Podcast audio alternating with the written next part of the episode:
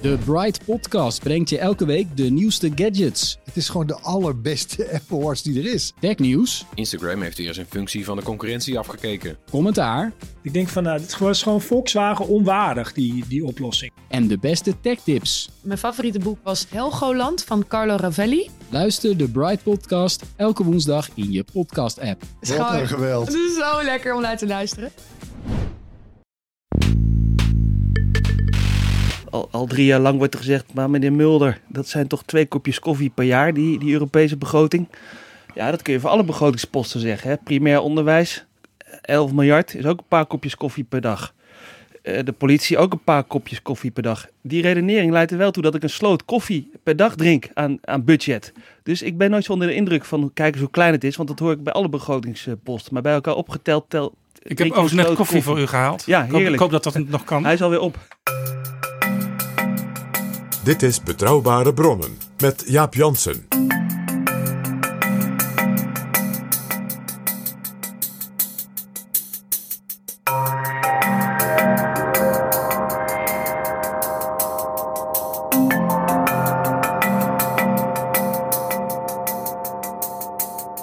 Hallo, welkom in Betrouwbare Bronnen, aflevering 86. In de Europese Unie gaat het op dit moment over bijna niets anders dan de nieuwe Europese meerjarenbegroting. In de vorige aflevering was Gertjan Koopman te gast, directeur-generaal begroting van de Europese Commissie. Hij kreeg de nodige reacties. Dat was donderdag. De dag erna verscheen een nieuw compromisvoorstel van EU-president Charles Michel en premier Mark Rutte overlegde in Parijs met de Franse president Emmanuel Macron. Vandaag schreef Rutte een opiniestuk over de nieuwe begroting in de Financial Times, samen met kanselier Sebastian Kurz van Oostenrijk en de premiers Mette Frederiksen van Denemarken en Stefan Löfven van Zweden. Zij willen vasthouden aan een budget van 1% van het Europees Nationaal Inkomen, terwijl de commissie eerder voorstelde dit op te laten lopen naar 1,1% en het compromisvoorstel van Michel zit op 1,07%. In Brussel zijn, als deze podcast verschijnt, de Europese ministers van Financiën bijeen. Donderdag begint dan eindelijk in Brussel de Europese top, waar misschien tussen de 27 EU-leiders een akkoord wordt bereikt. In deze aflevering van Betrouwbare Bronnen leg ik de vraag op tafel: hoe wordt er in Nederland aangekeken tegen de plannen voor die nieuwe Europese meerjarenbegroting? De gast zijn VVD Tweede Kamerlid Anne Mulder, EU-woordvoerder, en D66-Kamerlid Joost Sneller, financieel woordvoerder. In Europa maken ze deel uit van dezelfde politieke familie, de Liberalen. En in Nederland zitten ze samen in de coalitie die het derde kabinet Rutte mogelijk maakt. Welkom in Betrouwbare Bronnen. Anne Mulder, voordat we over de inhoud gaan praten. Ik kwam u deze week tegen in een Britse tabloid met een opmerking over betrouwbare bronnen. Wat zei u daar? Ja, waar het om ging is dat eh, Betrouwbare Bronnen de vorige keer de DG budget had van de Europese Commissie, de heer Koopman, u zei het al. En nou, die hield heel erg een verhaal over de Europese Unie, maar ook dat Nederland zijn verzet moet opgeven tegen de hogere begroting. En dan bleek tegelijkertijd dat dit programma wordt gesponsord door de Europese Commissie. En dat roept vragen op over de onafhankelijkheid van betrouwbare bronnen. Nou, die vraag wil ik wel, eh, als u die toch stelt, eh, beantwoorden. Eh betrouwbare bronnen krijgt inderdaad subsidie van de Europese Commissie. Dat is voor een heel jaar. En dat is vanuit het idee van de Europese Commissie. zij zoeken een jong, hoogopgeleid publiek. En hoe kunnen zij dat bereiken? Via betrouwbare bronnen, want dat heeft een jong en hoogopgeleid publiek. Inhoudelijk is de podcast uiteraard helemaal onafhankelijk. En we zijn ook transparant, want we noemen de sponsoring in de afleveringen en ook in de beschrijving van de afleveringen. Dus dat is zoals het zit. En ja, betrouwbare bronnen is ongeveer een eh, fulltime dagtaak voor mij. Ik vind het hartstikke leuk om te doen. Maar ja, het moet natuurlijk wel, ik moet natuurlijk wel brood op de plank hebben en eh, in leven blijven. Ja, en dat roept dan de vraag op, is dat nou een taak van de Europese Commissie om dit soort programma's te sponsoren? Hoe goed het programma ook is. Dank u wel. Dus daar kun je vragen eh, bij stellen. En het tweede is, waarom wil de Europese Commissie eigenlijk een jong publiek eh, eh, betrekken? Mijn beeld is dat het probleem van de Europese Commissie is dat heel veel mensen zich niet zozeer Europeaan voelen, maar vooral burger van hun eigen land. Ze voelen zich Sp- Spanjaard, Pool, Duitser. En ik heb de indruk dat de Europese Commissie probeert Europeanen te creëren door ze te laten praten over Europese onderwerpen. Is dat ook uw visie, Joost Sneller? Mag de Europese Commissie eigenlijk niet aan dit soort sponsoring of subsidiering doen? Nou, ik denk ook als uh, woordvoerder mediabeleid in de Tweede Kamer dat het wel belangrijk is dat journalisten er transparant over zijn. Maar ik denk uh, dat collega Mulder een klein beetje spijkers op laag water zoekt. En ik zag ook opmerkingen in reactie op zijn Twitterbericht hierover van mensen die zeiden: Nou, ik heb een uur lang gefascineerd geluisterd. Ik heb veel meer geleerd over die meerjarenbegroting dan ik ooit uh, wist. Dus ik denk dat dat ook een positieve bijdrage is, los van hoe je je voelt, uh, waar je identiteit ligt. Ik denk dat het heel goed is dat mensen geïnformeerd worden over deze hele belangrijke bestuurslaag. Ja, het is ook niet zo dat betrouwbare bronnen, dat is dan ook het laatste wat ik er eigenlijk over wil zeggen, uh, alleen maar juichaapjes in de uitzending heeft. We hebben bijvoorbeeld ook de minister van Justitie van Hongarije te gast gehad. Nou, dat is toch niet iemand die overal met veel uh, Allah wordt binnengehaald in Europa. Uh, we hebben ook uh, meerdere mensen, ook ministers gehad, die helemaal niet zo positief zijn over wat de Europese Commissie altijd doet. Uh, u zit nu bij de, ook hier bij mij in de studio en u bent het, denk ik, vermoed ik zo'n beetje, ook niet helemaal eens met de voorstellen van de Europese Commissie over de nieuwe begroting. Dus nogmaals hartelijk welkom. Dank. Dit is Betrouwbare Bronnen. Voordat we over het totaalbedrag gaan praten, laten we kijken naar de structuur van de nieuwe meerjarenbegroting. Die begroting voor de komende zeven jaar gaat minder uitgeven aan landbouw en minder steun voor arme regio's. En meer aan wat Nederland eigenlijk belangrijk vindt, zoals onderzoek en innovatie en de positie van Europa in de wereld. Ik kan me eigenlijk wel voorstellen dat u beide blij bent met die veranderingen. Ja, ik in ieder geval wel. Die hadden voor mij ook eerder gemogen en harder en sneller uh, gemogen. Maar ik ben wel blij met die beweging. Het is daarom ook jammer om te zien dat nu ten opzichte van het commissievoorstel alle compromisvoorstellen daar eigenlijk weer een beetje op terugkomen. Is dat ook uw opvatting, Anne Mulder? Ik vind de richting van de begroting goed. Hè? De Europese Unie moet de grote grensoverschrijdende problemen oplossen. Die landen niet zelf kunnen oplossen. Dat is migratie, veiligheid, klimaat. Ook de positie in de wereld. Dus dat is goed. Maar wat nog steeds het grootste deel van de begroting is, dat is landbouw en cohesie. En dat is de agenda van de jaren 80. Dus de beweging die de commissie inzet is goed. Alleen er had meer afgemoeten van landbouw en cohesie. Ja, het, tragische is dat uh, nu er na veel kritiek uit de lidstaten op allerlei niveaus aan een compromis wordt gewerkt. Die teruggang van die budgetten voor landbouw en cohesie, voor hulp dus aan arme, minder ontwikkelde regio's, dat die budgetten weer wat oplopen. Dus dat komen we eigenlijk iets verder nog van wat Nederland eigenlijk zou willen af te staan. Ja, dat klopt. En dat is uh, niet de eerste keer. Dat is bij vorige onderhandelingsrondes ook zo geweest. Dat uh, hè, wij drukken dan als Nederland heel erg op die totale kosten. En dan zie je dat andere landen meer op de verdeling daar, daaronder gaan zitten. En dat dat dan inderdaad gaat naar de uh, traditionele, wat meer ouderwetse posten. In plaats van degene die wij in ieder geval als D66 graag erbij zouden zien. Uh, zoals inderdaad Horizon Europe, en kennis en innovatie en uh, meer toekomstgerichte onderdelen. Ja, vorige, vorige keer, zeven jaar geleden, is er heel lang getouwtrekt. Toen was het zelfs zo dat de meerjarenbegroting pas op een heel laat moment eigenlijk gefiateerd werd. dat leidde er ook toe dat in dat eerste jaar er minder werd uitgegeven dan eigenlijk de bedoeling was. Dat kan dus ook voor een land als Nederland vervelend zijn, want dan kun je dus misschien minder uitgeven aan onderzoek en ontwikkeling. Ja, als maar... het nu weer zo zou gaan. Ja, maar ik denk dat uh, collega Mulder en ik het allebei over eens zijn dat die zevenjaarsbegroting uh, niet helemaal van deze tijd is. En dat de onderhandelingsmethode uh, nou, ook wel voor verbetering vatbaar is. Ook al hebben we waarschijnlijk verschillende ideeën over de oplossingsrichting. Ja, is, is dat zo, Anne Mulder? Zeven jaar is een lange periode? Dat is een, lange periode, maar je wil ook niet elk jaar dit soort debatten hebben. Deze onderhandeling duurt eigenlijk al drie jaar. Dus dat is, dat is niet ideaal. Maar misschien mag ik terug naar de, naar, naar de begroting. Ja. Kijk, in Nederland hebben we de regel, of de onuitgesproken regel, dat als je extra geld wil uitgeven voor iets nieuws, dat je bezuinigt op iets, op iets anders. En dat doen wij ook heel netjes. Bij, bij het regeerakkoord, in de verkiezingsprogramma's, zie je ook dat hele exercities worden gedaan. Oud vernieuw heet dat. Hè? Waar kunnen we op bezuinigen om extra uit te geven aan andere onderwerpen? En je ziet dat de Europese Unie maakt zo'n exercitie eigenlijk niet of niet goed genoeg. En dat maakt dat deze begroting ik vind hem niet heel gezaghebbend, omdat die exercitie niet is, is gedaan. En ook de Europese Rekenkamer zegt dat. Die spending review, hè, nog eens even de, de, de uitgaven doorlopen, is niet heel goed gegaan.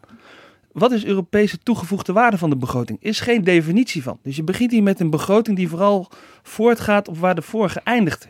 En dat maakt deze begroting weinig gezaghebbend. Ja. Ja. Is dat zo, Joost Sneller? Zou het veel radicaler herzien moeten worden? Ja, dat denk ik wel. We komen zo meteen nog op de, de financieringskant. Maar als woordvoerder financiën ben ik ook veel met de rijksuitgaven bezig. En met het verantwoorden en de doelmatigheid van eh, de begroting. En daar de zitten uitgaven. we, zitten we nationaal veel steviger op dan we er in Europa bovenop zitten. Nou, niet zozeer de wij, de Tweede Kamer, er bovenop. Maar de, de, procedures en de politiek, dat is gewoon veel minder goed geregeld. En daarom eh, roep ik ook al twee jaar de minister van Financiën op om te zorgen dat bij de volgende meerjarenbegroting deze afspraken veel strakker zijn. Om inderdaad te zorgen dat je wel bijvoorbeeld een keer een goedkeurende verklaring van de eh, Europese Rekenkamer gaat krijgen. Dat er wel serieus wordt gekeken naar de doeltreffendheid en de doelmatigheid van die uitgaven. En dat er inderdaad dan ook geschrapt kan worden. Ja, Want dat, dat, die net, dat zie je nog steeds op je netvlies staan. Hè? Een leeg eh, vliegveld in de buurt van Madrid. Dat zou een overloopvliegveld moeten zijn bij Madrid. 200 kilometer daar vandaan. Vliegt geen maatschappij op. Heeft wel een miljard euro gekost. ik zie overigens ook een leeg vliegveld bij Lelystad. Ja, daar, daar word ik ook op aangesproken. Die is dat, dat is ook al niet goed, maar die is tenminste niet met Europees geld eh, aangelegd. Maar ook Gertjan Koopman, de, de, de directeur-generaal begroting, die zegt dat soort voorbeelden, dat zijn echt voorbeelden uit het verleden. Ja. Daar moet u mij nu niet meer op aanspreken. is dat zo. Hè? In eh, Hongarije is in de geboortestad van premier Orbán een voetbalstadion eh, gebouwd. Daar rijdt een treintje in zijn geboortestad waar niemand in zit. Dan zie je dus eh, inefficiënt gebruik van geld. En het, gaat ook eens, het wordt ook nog eens besteed door de vrienden van Orbán. Dus Ja. je ziet misbruik met Europees Dat, geld. dat klopt, die, die voorbeelden die ken ik ook. Maar daar is misschien een ander probleem, wat we wel even erbij kunnen pakken. De controle op de uitgaven, die wordt nationaal gedaan.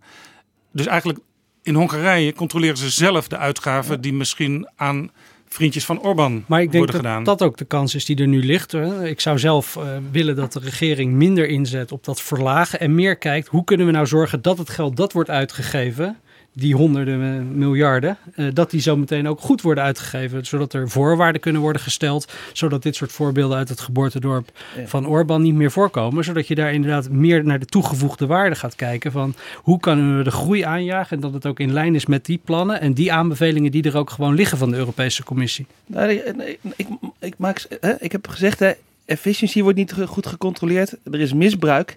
En het derde, en de, Ne- Nederlanders willen de meeste Nederlanders willen niet graag extra betalen voor Europa. En dat komt ook met het feit dat mensen zich eerst Nederlander voelen, dan een tijd niks en dan pas Europeaan. Dat geldt in alle landen.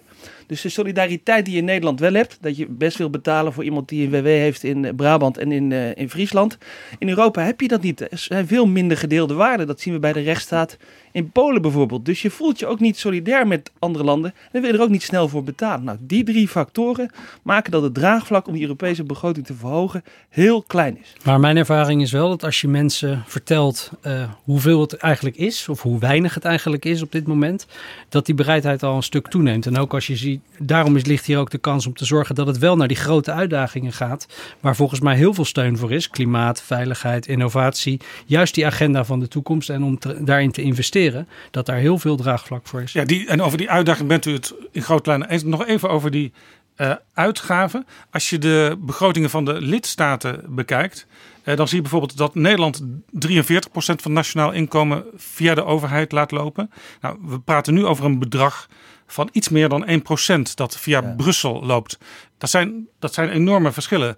Eigenlijk zeggen ze in Brussel, zegt Gert-Jan Koopman ook, ja, is het een beetje lachwekkend dat landen als Nederland en nog een aantal andere die wel eh, de vrekkige vijf of de vrekkige vier eh, worden genoemd, dat die daar zo lang over door blijven zeuren. Ja. Ik, ik hoor dat ook in Brussel. Al, al drie jaar lang wordt er gezegd, maar meneer Mulder, dat zijn toch twee kopjes koffie per jaar, die, die Europese begroting. Ja, dat kun je voor alle begrotingsposten zeggen. Hè. Primair onderwijs, 11 miljard, is ook een paar kopjes koffie per dag. Eh, de politie ook een paar kopjes koffie per dag. Die redenering leidt er wel toe dat ik een sloot koffie per dag drink aan, aan budget. Dus ik ben nooit zo onder de indruk van kijk eens hoe klein het is. Want dat hoor ik bij alle begrotingsposten. Maar bij elkaar opgeteld tel. Ik heb overigens net koffie voor u gehaald. Ja, Ik hoop, heerlijk. ik hoop dat dat nog kan. Hij is alweer op. Nee, ik denk dat het ook wel goed is om eh, te kijken waar gaat het geld dan naartoe. Hè? En dat Europese begroting is een, voor een eh, heel groot deel zijn dat investeringen. En wat we in Nederland hebben gezien. De dat is ook overigens de reden dat het een meerjarenbegroting is. Dan kun je beter investeringen plannen. Ja, dat is ook waarom we in Nederland nu een investeringsfonds uh, gaan oprichten. Om juist te zorgen dat we meer gaan investeren. En van die 43 procent is eigenlijk maar een heel klein deel zijn investeringen. En daarom is dat Europese deel ook zo belangrijk. Omdat dat die investeringen zijn in het verdienvermogen van de toekomst. En het verdienvermogen van, van Nederlanders. Ja, ja bijvoorbeeld uh, de, wat geld is wat eigenlijk altijd terugkomt, is landbouwgeld omdat boeren um, ja, inkomenssteun nodig hebben. Dat is niet echt investeringen in nieuwe zaken. Nee, daarom ben ik ook zo blij dat een, uh, nu veel meer wordt gekeken naar wat kan je bijvoorbeeld voor biodiversiteit, voor klimaat doen binnen dat landbouwbeleid. Ja, dat is dan wel weer slim van de Europese Commissie, denk ik, hè, dat ze het op die manier voorstellen. Want er moet natuurlijk een hele sloot geld straks uh, naar het klimaatbeleid. Timmermans wilde uh, duizend miljard aan gaan besteden. Dat komt overigens niet allemaal vanuit die begroting. Dat komt ook van, van organisatiebedrijven, allerlei clubs binnen Europa. Dus het is goed dat op die manier de landbouw al een beetje wordt omgekat, zou je kunnen zeggen, Anne Mulder. Ja, dat klopt. Het wordt moderner. Het gaat uh, meer naar klimaat in plaats van naar uh, inkomsten. Dat is, dat, dat is op zich een goede trend. En die zou je nog verder door kunnen, kunnen zetten. En dan zou je nog iets meer moeten snijden, het nog meer moeten omkatten. Maar dat gebeurt niet, want je ziet dat er enorme gevestigde belangen zijn bij de landbouw. Ook Frankrijk noemt zichzelf een pro-Europees land, Macron, maar die zit op, op de Franse boeren om ze te beschermen. Dus even is die Europese vergezicht bij president Macron weg. Hij beschermt nu vooral de Franse boeren. En hij wil ook de Nederlandse korting afpakken. Nou is het lastig natuurlijk, we zitten hier in de lidstaat Nederland. Ik praat met twee parlementariërs uit de lidstaat Nederland. Er zijn er 27. Die hebben allemaal andere opvattingen. En er is ook nog een Europees parlement wat uiteindelijk uh, ja of nee uh, moet zeggen. En die hebben al gezegd over de voorstellen die er nu liggen. Die zijn voor ons onacceptabel. Misschien gaan we als parlement wel een veto uitspreken. Het parlement wil ook een hoger bedrag dan de lidstaten willen. Uh, wat ik eigenlijk wil zeggen, Anne Mulder, we zitten dus in een soort gelaagde democratie waar 27 landen plus een Europees parlement bij betrokken zijn. Uh, ja, dus het is logisch dat je een beetje moet geven en nemen. Ja. Dat, het, is hier, uh, Europa is het binnenhof in het kwadraat hè, met 27 landen en Europees parlement. Maar dan moet je dus slim en taai gaan onderhandelen. Ik denk dat Nederland dat nu ook doet met een aantal uh, bondgenoten. Oostenrijk, Denemarken, Zweden. De Britten zijn helaas weg. En zo moet je dan een bondje zien te maken en elkaar vasthouden de komende tijd. En ik ja. moet zeggen, ik heb me kapot geërgerd aan de afgelopen week dat je 15 landen, hè, die noemen zich de vrienden van cohesie, die gaan bij elkaar uh, zitten. Dat is Portugal en een aantal andere landen in ja? het zuiden en het ja? oosten. Om maar hun eigen geld te behouden. Daar zijn ze mee bezig. Zij zijn, zien Europa als melkkoe. Ja, dat, dat helpt niet. Daar zie je ook niet veel visie op de toekomst van Europa. Vooral houden wat je hebt. Hè. Ik ja. heb bij me altijd hiervan, zegt overigens de, de, hiervan zegt de commissie, wij gaan uh, dat geld met, voor sommige landen met een kwart verminderen. Dus dat is echt een enorme schok voor sommige landen. Maar dat geeft ook aan, zegt de commissie, dat dat geld gewerkt heeft. Want die landen zijn inmiddels veel sterker. Dus die hebben ook minder nodig de komende zeven jaar. Maar daarnaast betekent het ook, als je gaat onderhandelen in Europa, dat je dus je prioriteiten helder moet hebben. En volgens mij is het verschuiven van die uitgaven naar meer toekomstgerichte investeringen, is volgens mij dan een, een van de belangrijkere dingen. En als je op drie verschillende paarden wet, wat eigenlijk het kabinet in zekere zin doet, proberen te verlagen, proberen te veranderen en proberen meer voorwaarden te stellen. Ja, dan wordt het heel lastig om juist die belangrijke verandering op wat er met dat cohesiegeld gebeurt voor elkaar te boksen. Anne Mulder? Ik, ik, ik, begrijp wat de heer Sneller zegt. Mijn, mijn prioriteit zou zijn die afdracht uh, laag houden. Ik, ik vind het heel moeilijk uit te leggen dat je zegt, we gaan extra afdragen aan Europa. Misschien voor een aantal goede delen. Maar en heel veel blijft nog in stand. En dat je dan in Nederland moet gaan bezuinigen op andere uitgaven. Ja, dan moet je want, zeggen, we gaan bezuinigen op is, zorg, politie. Dit is even de, de, tweede, de tweede trap die ik eigenlijk wil betreden uh, met uw welnemen. We hadden het net even over de inhoud en wat Nederland... en daar verschillen VVD en D66 dus niet zo in... Uh, anders zouden willen binnen de begroting. Maar nu is er nog een tweede uh, twistpunt. En daar is Nederland met die landen die dan wel de vrekkige vijf worden genoemd. Met Duitsland erbij, de vrekkige vier met Oostenrijk erbij. Hoewel ik laatste berichten is dat Oostenrijk misschien ook wel uh, niet meer bij die, dat groepje hoort. Dus het groepje wordt wel heel erg klein. Zijn er dan nog drie over. Maar die landen die zeggen, wij willen het budget op 1% van het nationaal inkomen van heel Europa houden. En niet wat de commissie voorstelde. Die stelde 1,11% voor. En nu uh, Charles Michel 1,07 procent. Want, zegt Nederland, waarom zou je meer gaan uitgeven? De Britten zijn eruit, dus dat, hoef, dat gat hoef je niet, uh, niet op te vullen. En dat is ook uw opvatting, Anne Mulder. Ik zou, ja, ik zou de Nederlandse afdracht gelijk willen houden wat we nu in de begroting hebben staan en niet extra. Omdat die begroting, dat zei ik al, heeft, heeft heel weinig uh, gezag. En dan moet je uit gaan leggen, als je extra betaalt aan Europa, dan moet je de Nederlandse kiezers vertellen. Er gaat extra naar Europa, dus we hebben minder geld voor Nederlandse dingen. En ik noemde ze al, dat kan zijn politie, onderwijs, zorg. Maar zijn dat allemaal Nederlandse dingen? Uh, zijn dat dan allemaal niet Nederlandse dingen waar de Europese Commissie uh, zich op wil gaan focussen in de nieuwe periode? Want al die dingen die we net noemden met z'n drieën, zijn allemaal dingen die voor Nederland ook belangrijk zijn. Die zijn goed, maar het grootste deel van de begroting blijft in stand. Dat is landbouw en cohesie. En ik zei net al, die, die, die uitgaven worden ook niet eens goed doorgelicht. Dus een weinig gezaghebbende begroting. En daar moet je dan extra voor betalen. Ik, ik vind dat zo goed als niet uit te leggen aan, aan, de Nederlandse bevolking dat we daarvoor moeten bezuinigen voor een Europese Commissie die zijn, die haar huiswerk niet op orde heeft. Joost Sneller, waar zit nou precies dat verschil tussen D66 en de VVD? Want over de uitgaven bent u het ongeveer eens, maar dat percentage, nou daar bent u wat soepeler in, is mijn idee. Ja, het risico is dat je er naar kijkt als een boekhouder in plaats van als een koopman. We verdienen als Nederland heel veel aan die interne markt en dat is volgens mij ook iets wat de VVD heel belangrijk vindt. Maar in deze discussies wordt het dan opeens vergeten. Terwijl dat is eigenlijk een veel groter bedrag wat we daaraan verdienen dan wat we betalen aan die Europese begroting. En ik denk dat er best wel ehm, veel manieren zijn om te zorgen dat je door met bijvoorbeeld directe financiering kan zorgen dat die bezuinigingen waar de, uh, collega Mulder het over heeft helemaal niet nodig zijn. En Overigens hoorde ik uh, deze week juist een uh, VVD-minister uh, zeggen dat de staatsschuld verder aflossen niet zo nodig is en dat we moeten investeren in het verdienvermogen van de toekomst. Dat was minister Erik Wiebes. Dat was minister Erik Wiebes. Maar, maar, nog even terug, hè. die redenering hoor je ook heel vaak. Nederland verdient zoveel aan de Europese interne markt, dus we mogen best afdragen. Maar dat deed Nederland ook al voordat de Europese uh, gemeenschappen, laat de Europese Unie uh, bestond. En ook andere landen verdienen veel aan de Europese interne markt. Zeker de landen die vroeger bij het Warschau-pact horen, die hebben een enorme economische groei gezien. Dus de redenering dat wij veel verdienen eraan, dus ook meer moeten betalen, ja, dat geldt voor andere landen ook. Maar wacht even, hoor ik u nou zeggen dat Nederland al aan Europa verdiende voordat de Europese Unie en de voorgangers er waren? Ja, wij zijn van oudsher al eeuwenlang een handelsland, dus wij verdienen al aan de handel. Maar wij... Die is versterkt door de door de interne markt. Nou, dat, hoort, dat zegt u dus. die is versterkt door de interne markt. Ja, en maar dat geldt natuurlijk ook voor al die andere landen. Dus waarom moeten wij dan meer betalen dan die andere landen? Dat is dan toch gek? Die profiteren er toch ook van? Maar wij als een kleine open economie profiteren bovengemiddeld veel. We staan in de top 5 van de meest profiterende landen daarvan. Uh, en dat is juist die interne markt die ons ja, Gert-Jan uh, Koopman sterker in heeft gemaakt. Ook al zonder die interne markt zouden wij meer profiteren van, van, van economische handel, omdat wij een handelsland zijn. Maar, maar juist het, het, uh, het vervolmaken van die gemeenschappelijke markt heeft voor Nederland heel veel opgeleverd. En dat, ja, we hadden ook verdiend aan handel uh, zonder de interne markt, maar we verdienen nu veel meer ja. dankzij die interne markt. Daarom is volgens mij ook zijn de liberalen vaak uh, voorstander van het verder uitbreiden van die interne ja. markt. Gert-Jan Koopman die vertelde in Betrouwbare Bronnen dat Nederland als land zelf heeft zelfs de afgelopen periode van zeven jaar uh, minder dan 1% van nationaal inkomen contributie betaald aan Brussel. Dat was 0,65 procent.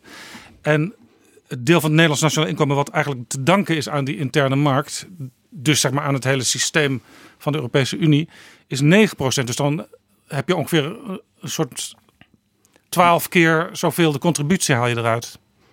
Ja, wij verdienen ook aan de interne markt. Maar mijn punt is, dat, dat is het punt niet. Het punt is dat andere landen daar ook aan verdienen aan de interne markt. En dat wij ook zonder die interne markt eraan zouden verdienen, omdat we al een handelsland zijn. Dus waarom moeten wij dan extra betalen voor de interne markt, waar andere landen ook van Maar hoor ik u nou eens een beetje toch ook uh, op de, in de groef van de Vorm van Democratie en PVV terechtkomen? Want die zeggen, uh, we hebben die Europese Unie helemaal niet nodig.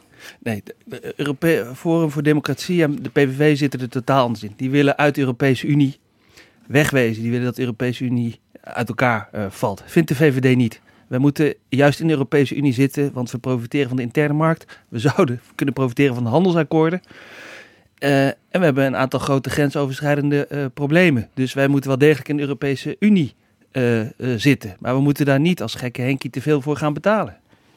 U bent gekke Henkie, Jas Sneller. Nee, ik bedoel dat we zorgvuldig en zuinig met belastinggeld omgaan, dat is, is overduidelijk. Alleen ik betwijfel of de inhoudelijke veranderingen die je wil, hè, als het gaat om bijvoorbeeld dat cohesie- en landbouwbeleid, en dat is volgens mij hier de hoofdwedstrijd, of je die voor elkaar kan krijgen als je op deze manier inderdaad je in een soort hoek manoeuvreert waarin elke euro extra naar de Europese Unie er eentje te veel zou zijn. Alsof daar een soort eh, monster woont uh, wat ons geld aan het opeten is. Terwijl dat juist is waar wij ons geld verdienen. En ik denk dat dat voor het bredere draagvlak onder de Europese Unie ook belangrijk is. Zodat je hier niet over, nou pak een beet, zeven jaar weer op deze manier zit. Maar zou je juist moeten uitleggen ook en vertellen waarom wij zoveel geld verdienen aan die interne markt, Ja. onder andere. Het is goed, dat- ik ben blij dat mijn collega van D66 begint over draagvlak voor de Europese Unie.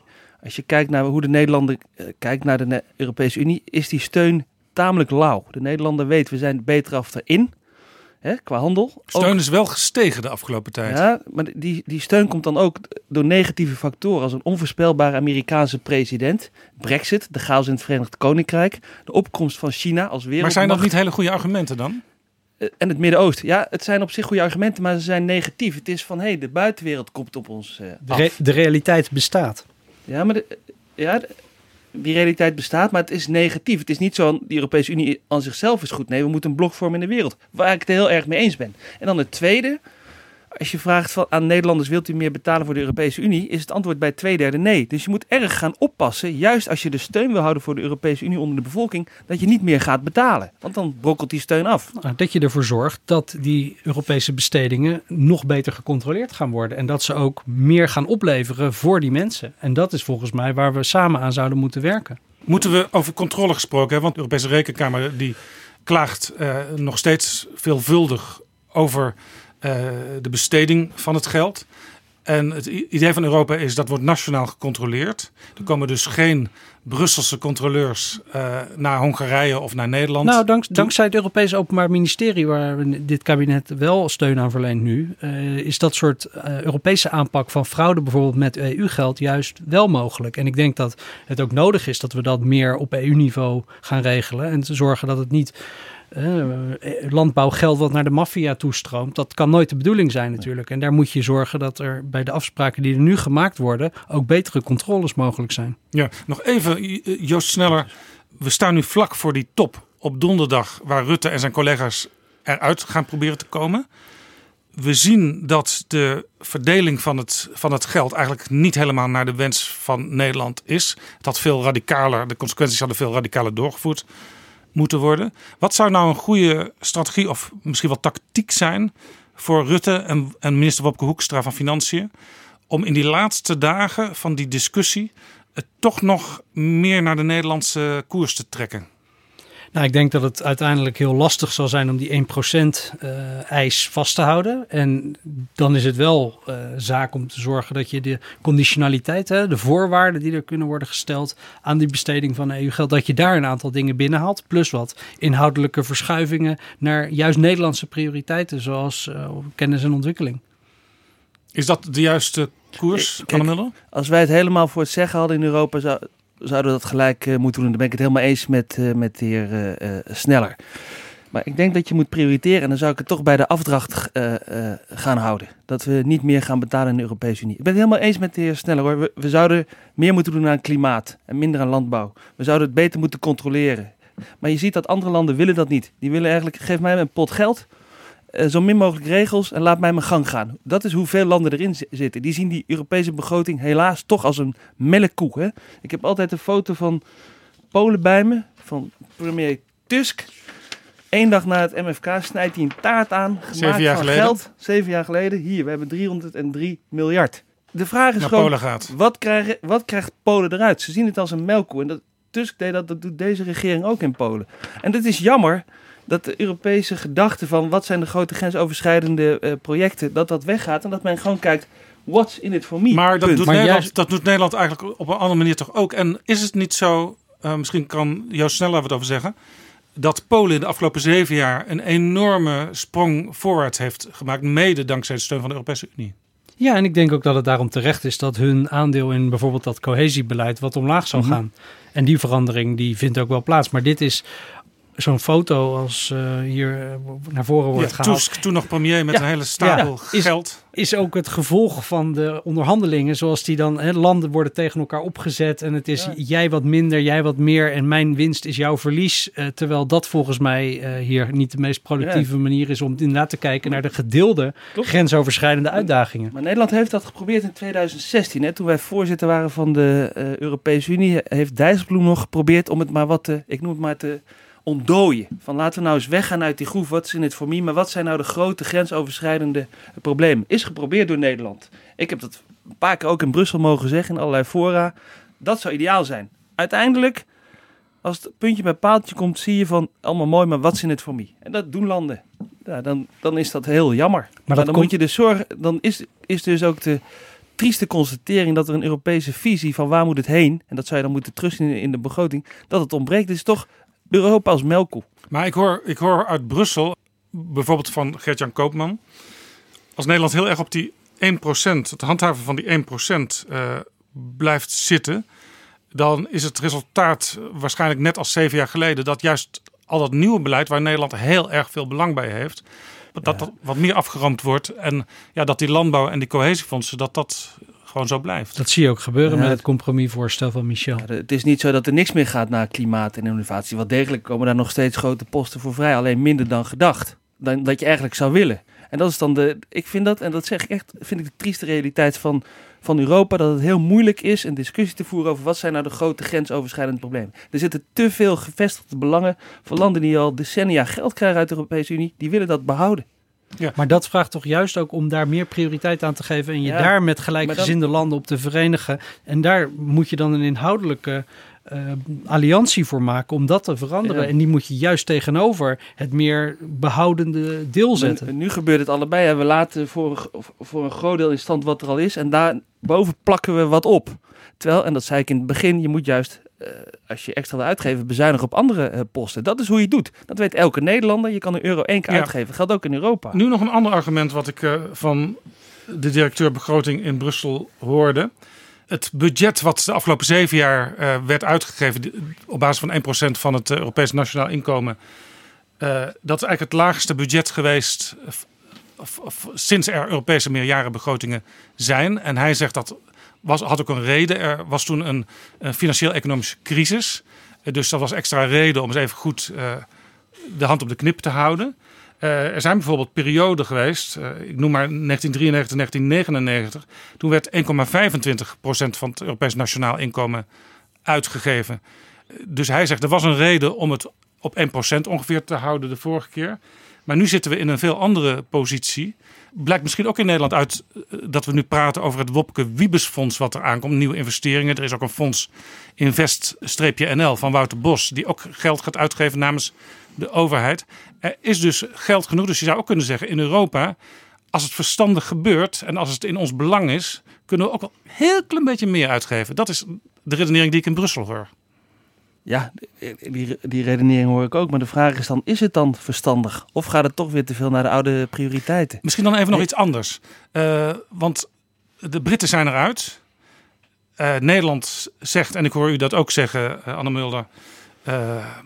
dat geld hoeft, dat, dat gat wat die Britten laten vallen, iets van 75 eh, miljard, dat hoeft niet gevuld te worden. Eh, maar we willen nog iets anders. We willen ook eh, een goede nieuwe relatie met de Britten. Een nieuw goed verdrag en dus geen harde brexit. We werkten heel erg samen met de Britten, bijvoorbeeld bij onderzoek en innovatie. Als de Britten straks een nieuw verdrag met Europa sluiten, dan betekent dat waarschijnlijk ook dat ze contributie gaan betalen voor een aantal diensten die ze dankzij Europa krijgen. Moeten we dan misschien ook niet zelfs een klein beetje van dat geld, wat de Britten eerst zelf automatisch al bijdroegen, ja, ook in die nieuwe begroting opnemen om het voor die Britten wat soepeler te maken om eh, die goede relatie met ons te houden? Oeh, dat is een.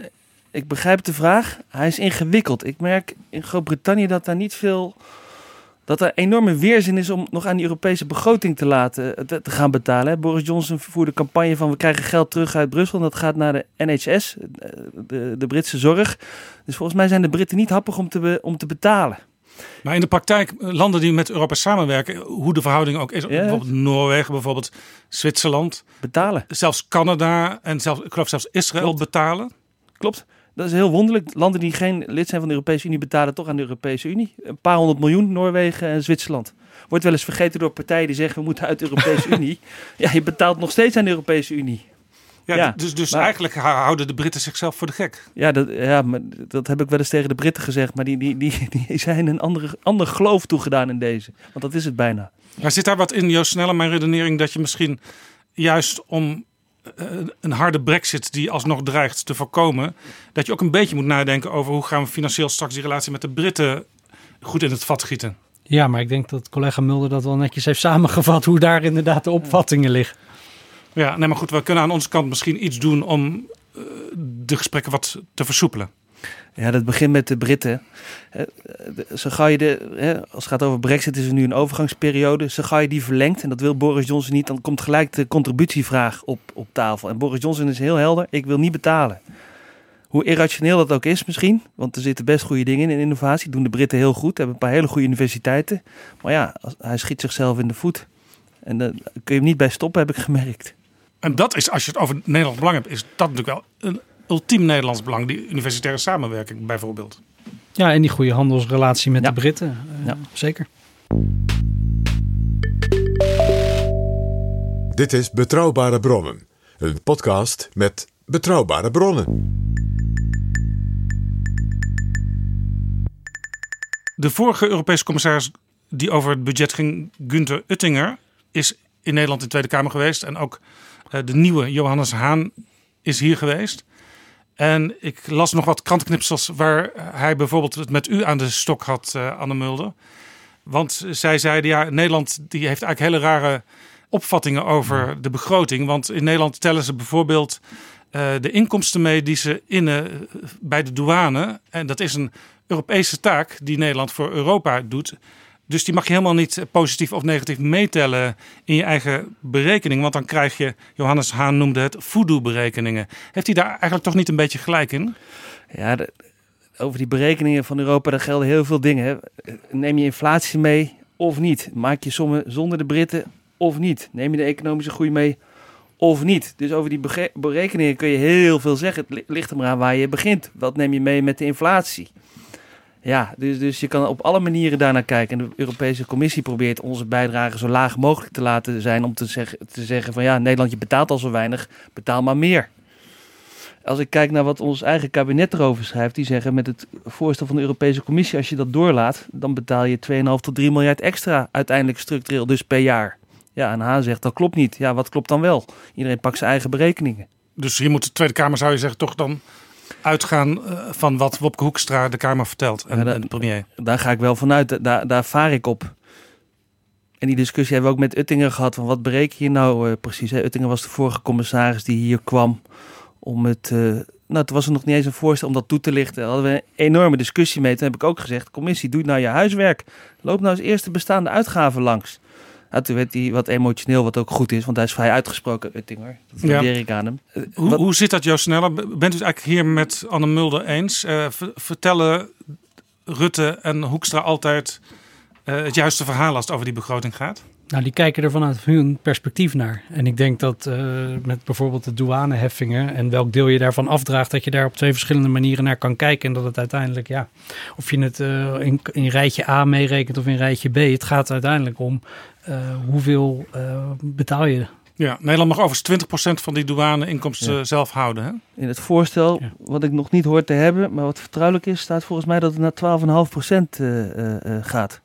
Dus daar gaat wel degelijk iets omlaag. Ja, en ook een ander dingetje, eh, dat werd mij eigenlijk pas in Brussel zelf meer duidelijk, is dat ehm, minister Zalm, Gerrit Zalm, heeft ooit bedongen dat Nederland een deel eh, uit Brussel terugkrijgt. Dat is zeg maar grofweg 1 miljard eh, Mhm. per jaar. En daarvan is het idee dat wordt langzaam in die zeven jaar periode afgebouwd. Dus het is, wel, het is wel degelijk zo dat Nederland, waar de commissie nu zegt, jullie betaalden de laatste jaren eh, 0,65% van jullie nationaal inkomen. Eh, dat gaat dan uiteindelijk meer richting die 1% Ja. of misschien zelfs iets erover uiteindelijk. Ja, en dat gaat dus ten koste van de Nederlandse nettopositie. En de vraag die ik heb deze week: van wat betekent dit voorstel nou van de Europese Commissie voor de Nederlandse betalingspositie? Hè? Want de zogeheten perceptiekosten, dat zijn die douanekosten worden lager, die korting wordt blijkbaar afgebouwd. Dus ik ben heel benieuwd wat dit, eh, wat dit betekent. Ja, Joost Snelle, het, nee, het gaat Nederland dus sowieso, hoe hoog dat percentage ook is, meer kosten de komende jaren. Nou, dat hangt er ook vanaf wat je vervolgens doet met die directe financiering en andere eh, middelen voor de Europese Ja, Unie. dat en is, waar die, dat is die inderdaad ook nog een interessant eh, punt. Eh, directe financiering, dat is eigenlijk een ander woord voor eigen middelen, zeg maar Europese belastingen.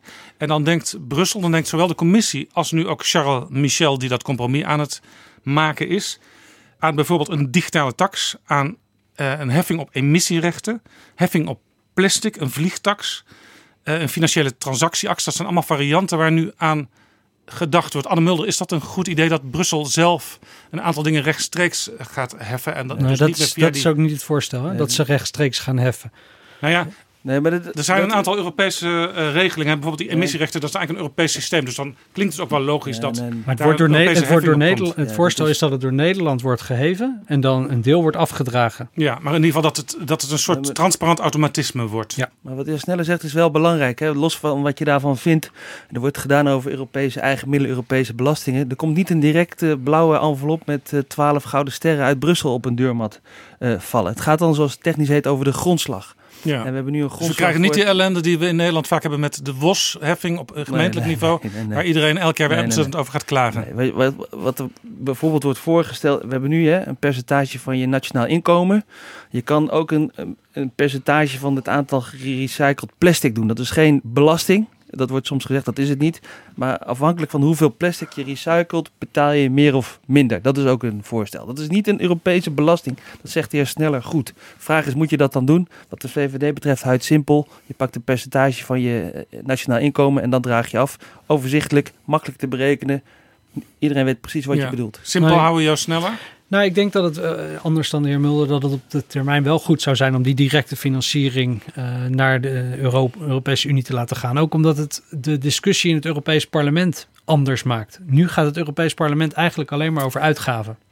En eh, de heer Ja, dat Mulder- is gek, hè? Als je het over een parlement hebt, dan zou je het over uitgaven, maar ook over inkomsten moeten hebben. Ja, en de heer Mulder en ik hebben allebei in de gemeenteraad van Den Haag gezeten. En wat je als gemeente bijvoorbeeld heft, is ook maar een heel klein deel van wat de gemeente uitgeeft. Ja, dat is het- beruchte onroerende zaak eh, waar, waar ik het ja, over had. eh, en een aantal andere heffingen. Maar wat een heel hondenbelasting, wat een heel klein deel is van wat de gemeente uitgeeft. En dat is in Europa nog veel sterker zo, waardoor de, de- waardoor de discussie altijd ongebalanceerd is. En ik denk ook dat het ervoor kan zorgen dat je niet deze zevenjaarlijkse cyclus hebt, maar dat er een groter deel gewoon direct wordt gefinancierd aan de Europese Unie, zodat daar ook eh, democratisch kan worden besloten daarover. Ik, heb daar, ik, vind dat, eh, ik ben er niet voor. Ik, ik zei al eerder in dit programma, mensen voelen zich eerst burger van hun land, Nederlander, Spanjaard, Belg, dan een tijd niks, dan pas Europeaan.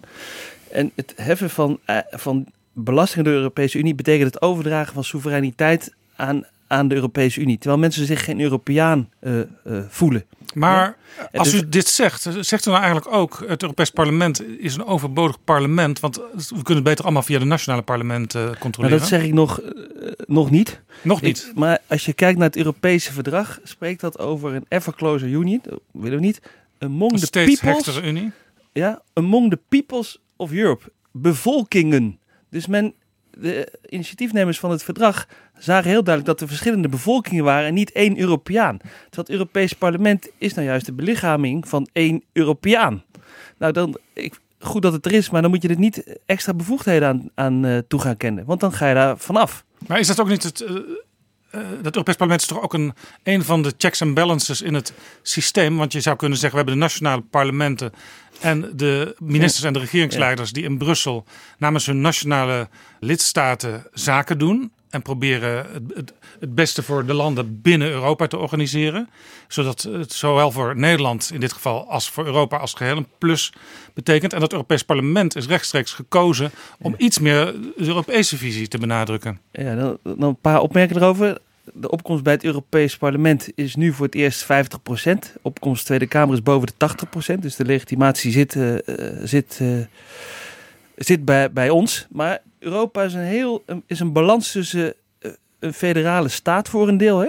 Dat is het Europese parlement een, een exponent van en voor een deel ook de Europese Commissie. En de nationale regeringen die in de Europese Raad bij elkaar Ik heb komen, vroeger op school top. geleerd, Europa is een constructie sui generis. Dat betekent een constructie uit zichzelf. Mhm. Nou, die, die, de- die, die delicate balans tussen een Europees parlement en nationale lidstaten. Ik zou daar op dit moment niet aan morrelen door extra bevoegdheden bij het Europees parlement te leggen. Omdat het draagvlak daar simpelweg, eh, simpelweg daar, daar niet voor is. Ja, dan nog Dus even begin dat dan niet te doen. Nu we het toch over het Europees Parlement hebben, Joost Sneller. Dat Europees Parlement heeft vorige week een debat gehad over de begroting. En de meerderheid daarvan die zegt, ja wij vinden eigenlijk die 1,1 of die 1,07 waar nu over gepraat wordt en waar Nederland zo moeilijk over doet. Dat vinden we een hele rare discussie, want wij willen veel meer. Wij willen 1,3% van het Europees Nationaal Inkomen. Vindt u dat ook? Nee, voor mij gaat het erom waar gaat het naartoe. En dan kan je pas zeggen wat er eh, een reëel percentage is. Ik eh, vind het altijd wel interessant. Dat is ook volgens mij een gevolg van. Ja, maar die tijd hebben we niet meer, want het is de bedoeling dat er donderdag een besluit wordt genomen. Ja, dat, eh, dat is de bedoeling. Eh, en dan eh, kijken we daarna wat het Europees Parlement zal zeggen Dus u over bent de het ook niet eens met uw eigen partijgenoten in het Europees Parlement, want die staan ook achter die wens om 1,3 procent. Maar die zullen niet zeggen, ongeacht wat daar vervolgens onder zit, 1,3 is prima. Nee, maar en dat het, zal niemand zeggen, Vorige keer was het ook zo dat het risico voor het Europees Parlement is, ja, als we het mogen alleen maar vetoen, eh, waar vallen we dan op terug? En dat geldt voor Nederland in, met onze korting die dan vervalt even goed. Dus het is een heel ingewikkelde balans. Wat ik zelf denk, ook op basis van mijn ervaring in de gemeenteraad, is dat het goed zou zijn om de taxation en representation, de, het belasten en het vertegenwoordigen, ook meer in één hand te brengen, zodat die discussie ook gebalanceerder wordt. Ja, en dat is wat u net zei. eh, Europa zou een deel wat rechtstreeks zou kunnen heffen. Ja, en ik denk ook dat het de opkomst uiteindelijk ten goede zou komen als mensen zien, eh, daar wordt ook belasting geheven. Nu gaat het alleen maar over de uitgavenkant en hoeft ook het Europees Parlement zich weinig eh, rekenschap te geven van het feit dat dat belastinggeld ook moet worden opgehaald. Ja, het is interessant. Hè? Eh, Anne Mulder, Joost Sneller zegt: Ik ben het niet met die wens van het Europees Parlement eens. Ik ga ervan uit, nou, dat weten we eigenlijk al, dat u het er Nou, sowieso al helemaal niet mee eens bent. Dat hangt er vanaf. Nou, zit bijvoorbeeld in de eh, begrotingscommissie van het Europees Parlement zit Valérie Ayer. Zij is van eh En Marche. En zij is dus eigenlijk ook een partijgenoot van u als VVD'er. En zij zegt, die plannen van eh, de commissie en ook van Charles Michel, die zijn niet goed. En het moet gewoon 1,3 procent eh, worden. Ja, het heel simpel. Ik neem daar kennis van dat het Europese parlement dat zegt. Die politieke groeperingen in het Europese parlement zijn ook heel breed samengesteld.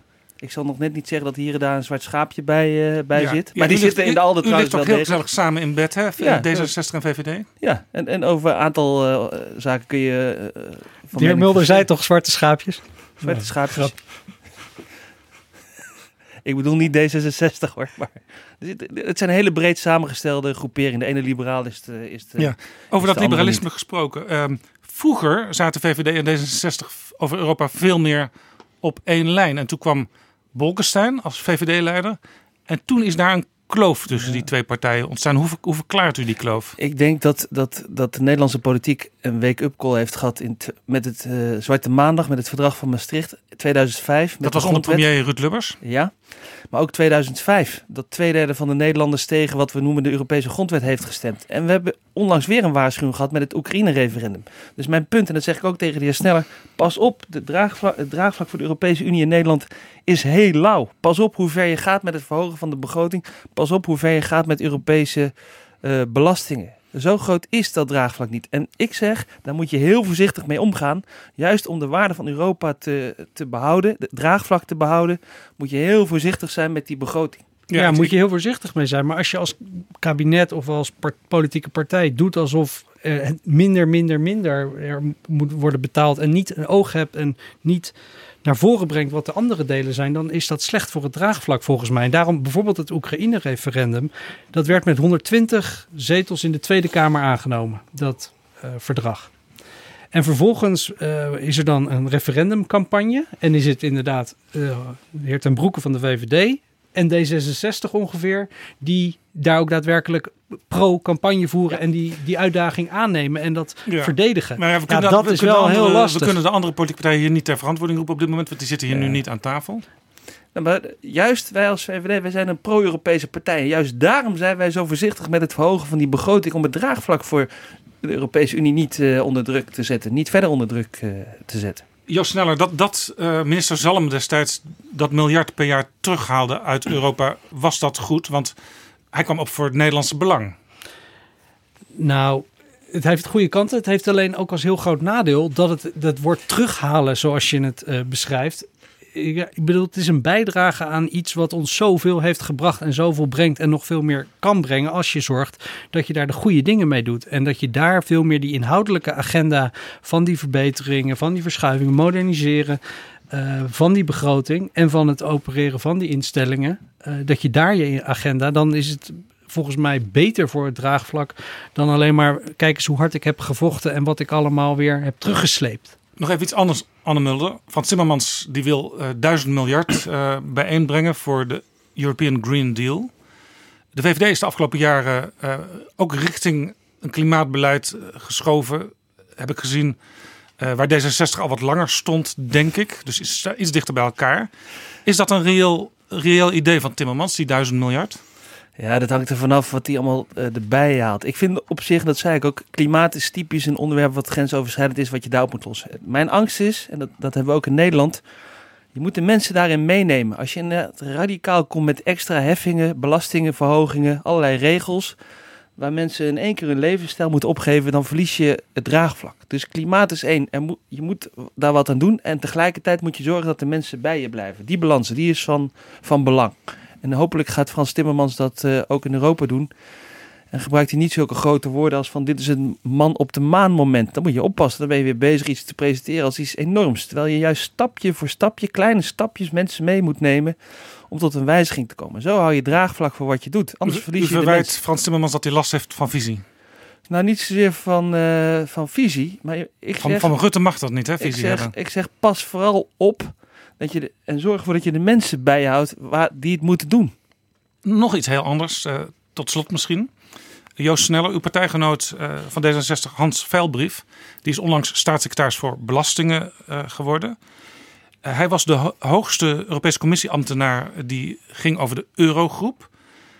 In mijn gesprek met Gertjan Koopman bleek een beetje dat Nederlanders in Brussel zich zorgen maken over steeds minder Nederlanders op belangrijke hoge posten in Brussel een aantal gaan de komende jaren ook met pensioen. Het is zelfs zo dat onder jongeren, die zitten nog niet op hoge posten, er eigenlijk maar de helft van het aantal zit waar Nederland, als je er gewoon ponspondsgewijs naar zou kijken, aanspraak op zou kunnen maken. Die vraag heb ik eigenlijk aan u beiden, hoe belangrijk dat is. Maar was het eigenlijk niet van groter belang dat Veilbrief gewoon op die hoge post in Brussel gebleven was? Ik denk dat hij dat heel goed heeft gedaan en het ook nog heel goed zou hebben gedaan. Ik denk dat het ook een hele grote aanwinst is voor het Nederlands kabinet dat iemand met zoveel ervaring daar uh, nu namens Nederland in die ECOFIN, de Raad van uh, Ministers van Financiën, mag zitten en namens Nederland kan optreden.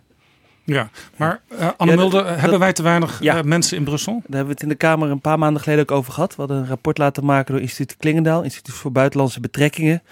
Waar, waar zitten de kwetsbaarheden bij de Nederlandse invloed? Dat is bij de instroom van Nederlandse ambtenaren. Dus als het goed is, komt de minister van Buitenlandse Zaken, minister Blok, met een plan uh, van hoe je dat kan verbeteren. Hoe Nederlanders beter scoren in dat zogeheten concours, hè, waar de ambtelijke carrière bij de Europese ja, Commissie. Er is de laatste tijd ook veel begint. gepraat over de Algemene Bestuursdienst in Nederland. Of dat nog wel een goed systeem is. Hè. Dat is het idee dat topambtenaren, dus uh, secretaris-generaal, directeur, generaal-directeuren, na een aantal jaren doorschuiven naar andere ministeries, zodat ze niet helemaal aan het ene ministerie uh, verklinkt raken.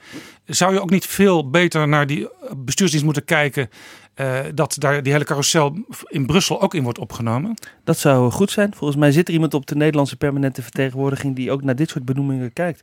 En dat zou misschien beter uh, kunnen moeten die ambtenaren wel ook wat pro-Nederlandse pro standpunten innemen. En niet zeggen dat Nederland zijn verzet moet opgeven. Natuurlijk, zoals de heer Koopman. Nou, nou ja, Koopman die, die merkte nog steeds wel bij zijn collega's uh, dat hij als Nederlander werd gezien. Hoor, want nou, hij werd als heel zuinig gezien. Nou, dat is dan goed. Dat is een compliment.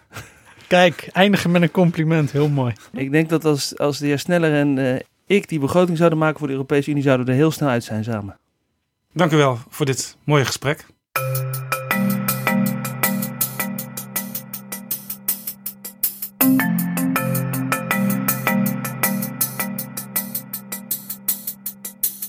Zo, dit was Betrouwbare Bronnen aflevering 86. En waarschijnlijk nog voordat die belangrijke Europese top die donderdag begint is afgelopen, is er alweer een nieuwe aflevering. Deze Betrouwbare Bronnen is mede mogelijk gemaakt door de Europese Commissie en door Wie Nederland. Tot de volgende keer.